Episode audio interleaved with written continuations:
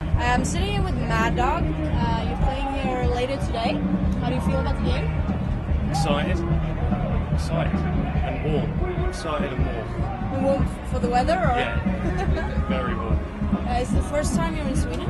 It's the first time here. It's the first time playing in England. So, what do you think about Sweden so far? I love it. You love it. It's the best. You're just Swe- saying that. Sweden is one of my new favourite places.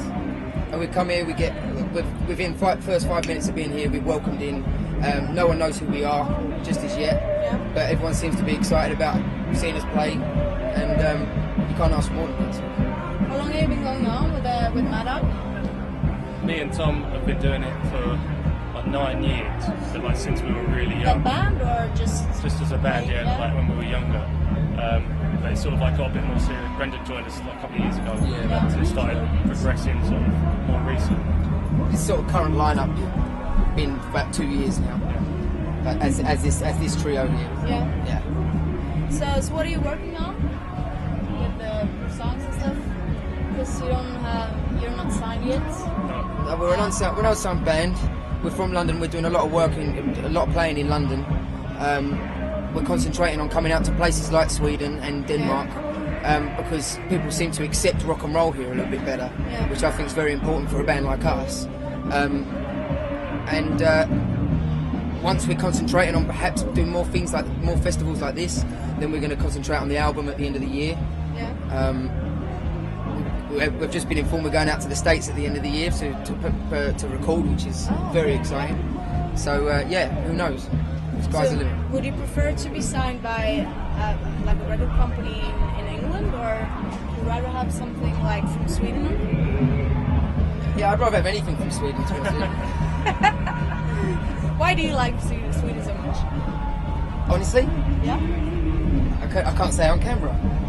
of course you can.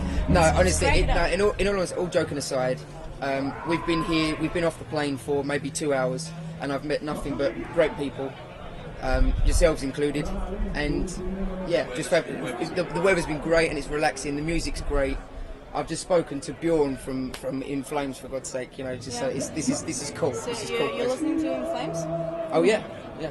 Uh, what kind of influences do you have? What kind of bands do you listen to to get influence, inspiration? influence anything from sort of the real sort of the roots of like rock and roll, like blues and stuff like that, right the way up to things like we love like Pearl Jam, uh, Pearl Jam Tom would be Waits, good. uh, the White Stripes, and things like that.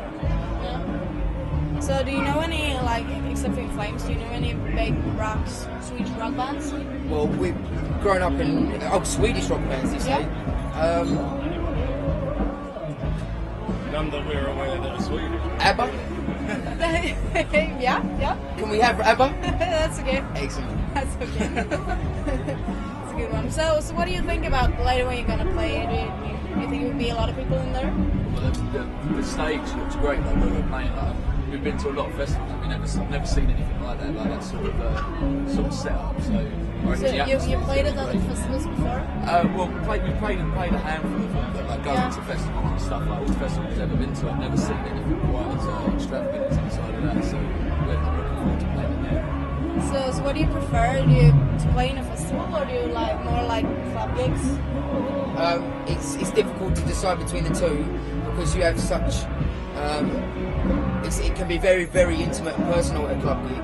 But whereas with, with festival gigs, you're playing to faces that you, you know might not have never listened to your band before, uh, would, would never really even buy your CD, but you get the opportunity to play in front of these people, and they might, they potentially, fingers crossed, turn around and go, I like Mad Dog or I like whoever's playing right now. So, so yeah, they both have their you know equal, and we get to chill and meet people like yourself in the suns.